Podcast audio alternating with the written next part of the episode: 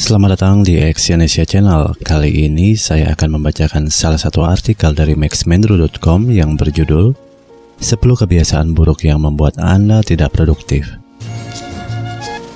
Menjadi seorang pebisnis yang produktif dalam berbagai hal bukanlah perkara yang gampang. Sering kita jumpai banyak orang yang mampu produktif pada awal-awal membangun sebuah bisnis. Namun ketika berjalan beberapa saat, lambat laun produktivitas mereka pun menurun.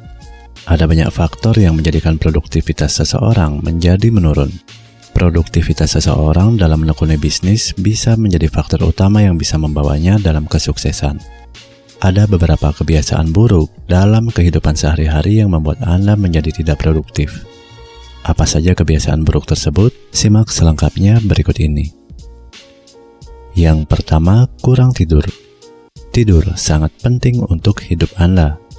Terkadang orang cenderung menyepelekan kebiasaan buruk ini, baik terlalu banyak atau sebaliknya. Mereka menganggap semakin sedikit tidur, maka semakin banyak waktu untuk bekerja. Namun, jika Anda tidur lebih banyak setiap malam, Anda akan merasa lebih bersemangat untuk bekerja keesokan harinya. Yang kedua, multitasking. Otak hanya bisa fokus pada satu hal dalam satu waktu Ketika Anda ingin melakukan dua hal dalam satu waktu, berarti Anda merusak produktivitas.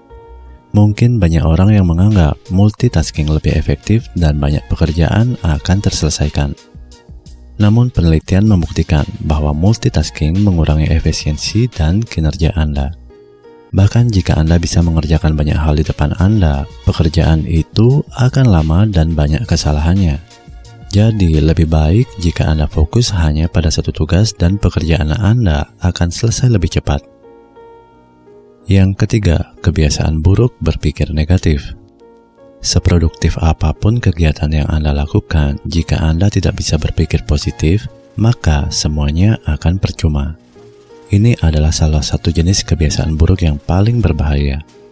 Pikiran negatif tentang bagaimana hasil dari suatu pekerjaan akan membatasi hasil pekerjaan Anda. Jadi, cobalah untuk selalu berpikir positif. Ubahlah pikiran Anda, percayalah bahwa Anda berhasil setiap harinya. Yang keempat, keadaan yang bising. Bising bisa membuat stres. Sebagian orang ada yang menganggap kebisingan sebagai cara untuk memperbaiki dan memperkuat kemauan untuk bekerja lebih keras lagi. Memang benar jika suara bising tertentu sudah menjadi bagian dari hidup kita. Seperti pintu yang berayun, panggilan telepon yang berulang kali, suara TV, atau suara bising dari jalan. Kebiasaan buruk untuk membiarkan suara-suara tersebut tetap terjadi juga merupakan hal yang harus dihindari. Produktivitas akan terganggu karena hal-hal tersebut. Maka akan lebih baik jika kita mengurangi suara bising di sekitar kita, misalnya dengan mematikan TV atau mengenakan headphone. Yang kelima, berusaha sempurna. Sejenis dengan kebiasaan buruk nomor tiga, berusaha ingin selalu tampil sempurna juga bisa memberikan dampak negatif. Seringkali untuk meraih kesempurnaan, kita menghabiskan banyak waktu untuk mengerjakan hal-hal kecil daripada mengerjakan tugas yang lebih besar. Ketika Anda mencoba untuk sempurna, itu sama dengan Anda memaksa diri untuk mengerjakan banyak hal dalam waktu singkat.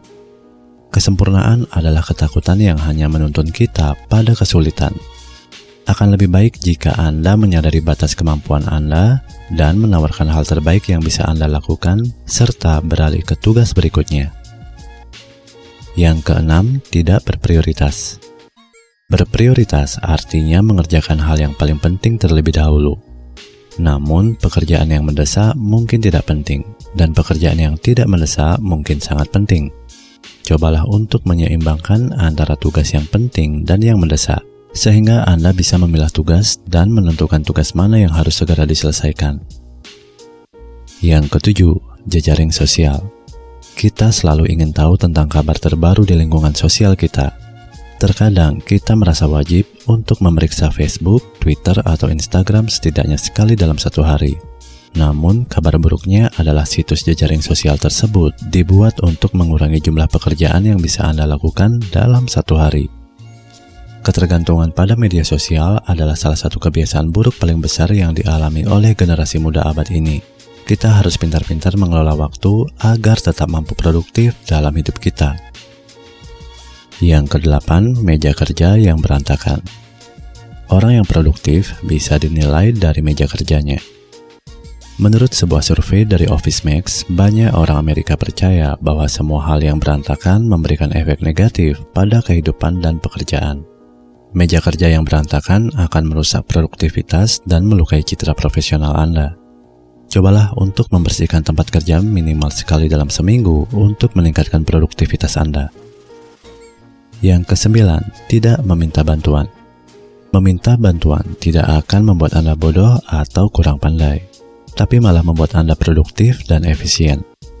Tidak perlu malu jika Anda membutuhkan bantuan karena hal ini wajar.